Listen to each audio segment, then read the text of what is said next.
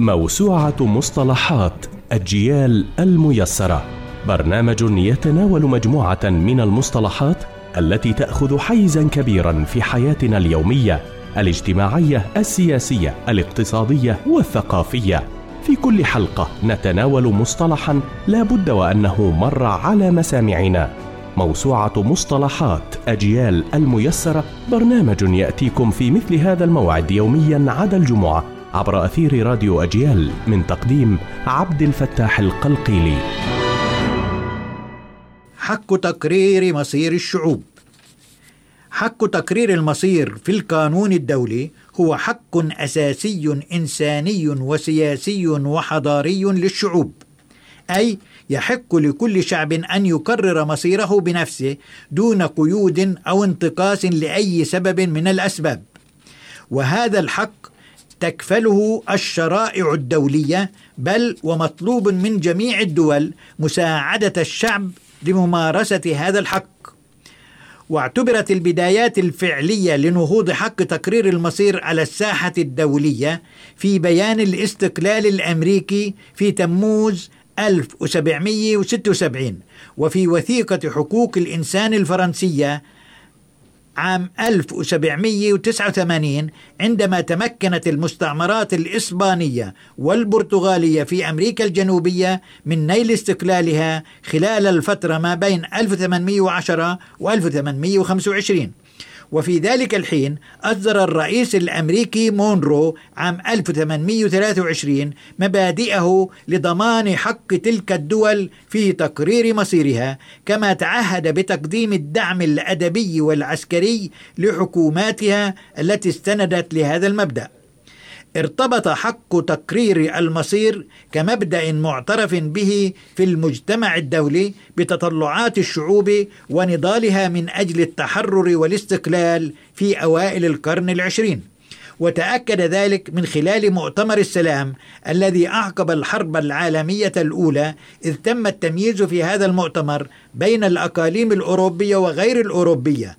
فالأولى منحت الاستقلال بالاستناد إلى هذا المبدأ. في حين تم ابتكار نظام الانتداب لتطبيقه على الأقاليم غير الأوروبية كمرحلة انتقالية على طريق تمكينها من حقها في تقرير مصيرها. وكان الشعب الفلسطيني ضمن هذه القائمة. وفي تشرين ثاني 1947 أقرت الجمعية العامة للأمم المتحدة بقرارها رقم 181 أن الشعب الفلسطيني بشقيه الصهيوني والعربي أصبح مؤهلين للاستقلال على أن تقسم فلسطين إلى دولتين مستقلتين ولكن يجمع بينهما وحدة جمركية. فقامت الدولة الأولى باسم دولة إسرائيل يوم 15 5 1948 ولم تقم الثانية حتى يومنا هذا. بقي حق الشعب الفلسطيني بتقرير مصيره مهملا حتى عام 1965 حيث انطلق بثورته المعاصرة مطالبا بحقه بتقرير مصيره وإقامة دولته المستقلة واسترداد حقوقه وأهمها حقه بالعودة إلى أرضه. ولأن المجتمع الدولي آنذاك لم يتجاوب مع طلبه سلميا وبإلحاح ولأن إسرائيل التي اغتصبت أرضه وحقوقه وشردته لم تستمع له بل قامت باحتلال المزيد من أرضه وتشريد المزيد من أفراده فقد لجأ للكفاح المسلح معتمدا على مبادئ العدالة الدولية والقرارات الأممية القاضية بتمكين الشعوب من ممارسة حقوقها غير القابلة للتصرف بكل الوسائل المتاحة.